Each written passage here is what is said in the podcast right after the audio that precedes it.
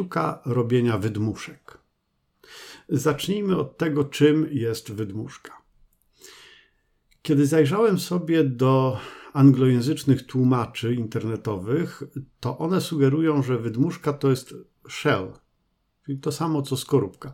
Google mówi blown out, ale to chyba nie jest najlepsze tłumaczenie tego słowa. Może wy wiecie, jak to przełożyć. No, rzecz w tym, że wydmuszka to nie jest skorupka, bo w wydmuszce zupełnie nie o to chodzi. Wydmuszka to niby jajko, bo wygląda z daleka identycznie i pochodzi zresztą od jajka, no bo nie jest na przykład gipsowym odlewem, ale przecież nie jest jajkiem, bo w wydmuszce brakuje tego wszystkiego, co w środku jajka powinno być, co właściwie jest jajkiem. Wydmuszka jest tylko powłoką, a zawartości, faktycznej zawartości brak. Sorry za ten mm, filozoficzny nieco może wstęp, ale on jest konieczny dla dalszej treści, w szczególności dla drugiej połowy tego naszego dzisiejszego spotkania. No bo w dalszej części opowiem Wam o sztuce robienia wydmuszek i o tym, do czego one mogą się przydawać. Będą tutaj przedstawione trzy sposoby robienia wydmuszek i zapewniam Was, że no tak naprawdę jest ich oczywiście więcej, natomiast ja pokażę trzy. Pierwszy jest najzwyklejszy, trzeci jest zaś najważniejszy, bo, bo może zmienić całe nasze życie. Niewiarygodne, co? Jak zrobienie wydmuszki może zmienić całe nasze życie? No, posłuchajcie do końca, a przekonacie się, że tak. Sposób pierwszy. Bierzecie jajko, ostrym szpikulcem albo końcówką szpiczastego noża e, robicie maleńką dziurkę w skorupce z jednej strony i naprzeciwko niej ciut większą dziurkę. Pochylacie się nad miseczką, przykładacie jajko do ust, tą stroną, gdzie jest ta maleńka dziurka i dmuchacie. Zawartość jajka wylatuje większą dziurką do miseczki, a wy w ręku trzymacie wydmuszkę. Prościzna, nie? Y, sposób drugi. Bierzecie instytucję, która ma mieć charakter tak niezależny od Was, jak to tylko możliwe. Ma być niezależna od Was, bo ma za zadanie Was kontrolować i oceniać. Powołujecie do grona członków tej instytucji osoby, które są absolutnie mierne i całkiem się do tego nie nadają. Gdyby nie Wy, to w tej instytucji kariery nigdy by nie zrobiły. Zresztą powołanie do tej instytucji to jest najlepsza zawodowa rzecz, jaka mogła te osoby w życiu spotkać. No i to wszystko. Mamy wydmuszkę. Instytucja wygląda tak samo jak poprzednio, y, kiedy funkcjonowała należycie, ale już jej nie ma. Nie ma jej, nie ma jej niezależności. Czytam, moi drodzy, o kolejnym mailu Dworczyka, o spotkaniu z niejaką Przyłębską. Dla niezorientowanych chodzi o mail polityka, członka rządu, o jego spotkaniu z prezes Trybunału Konstytucyjnego, na którym ustalili sobie losy rozpraw przed TK w sprawach ważnych dla rządu.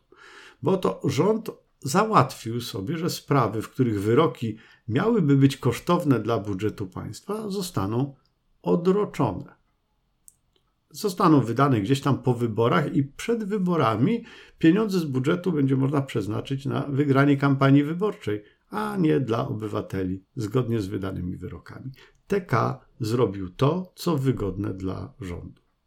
Nie to, co należy, nie to, co słuszne, tylko co mu kazano. Tak funkcjonuje wydmuszka.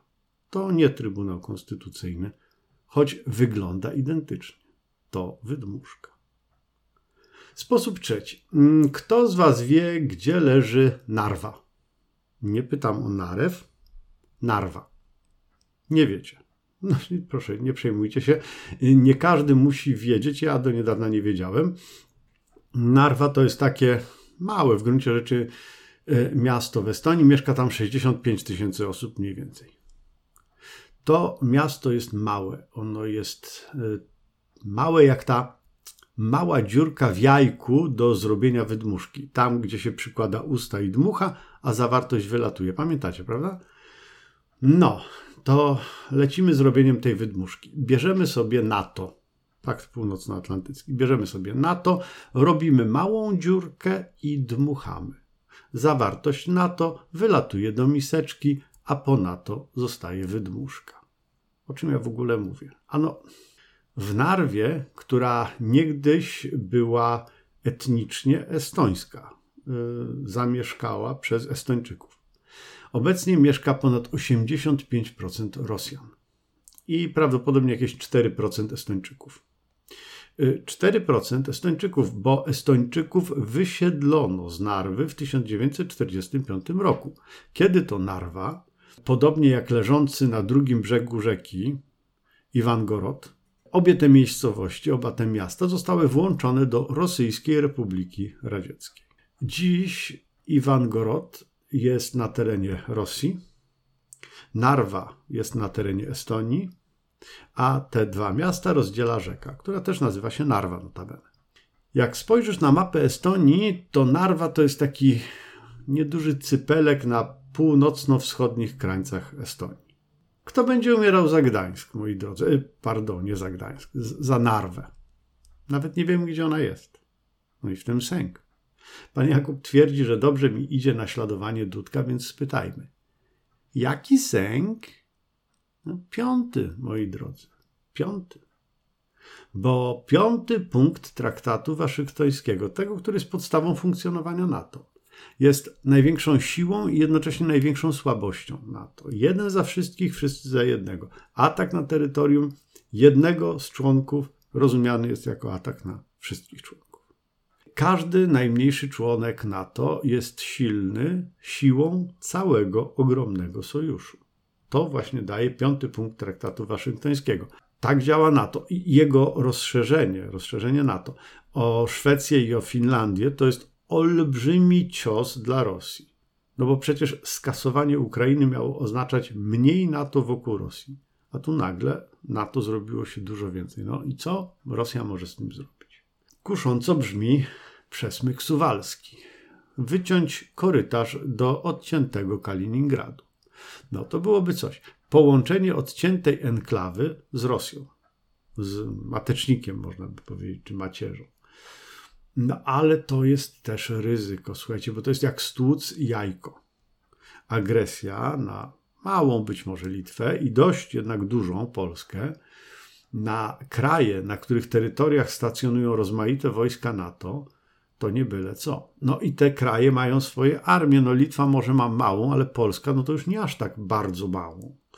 I taki atak na przesmyk suwalski to jest po prostu zaproszenie do konfliktu na dużą skalę, a NATO Rosji nie wystarczy sił konwencjonalnych. Oni nie mają dość takich sił na szybkie pokonanie Ukrainy.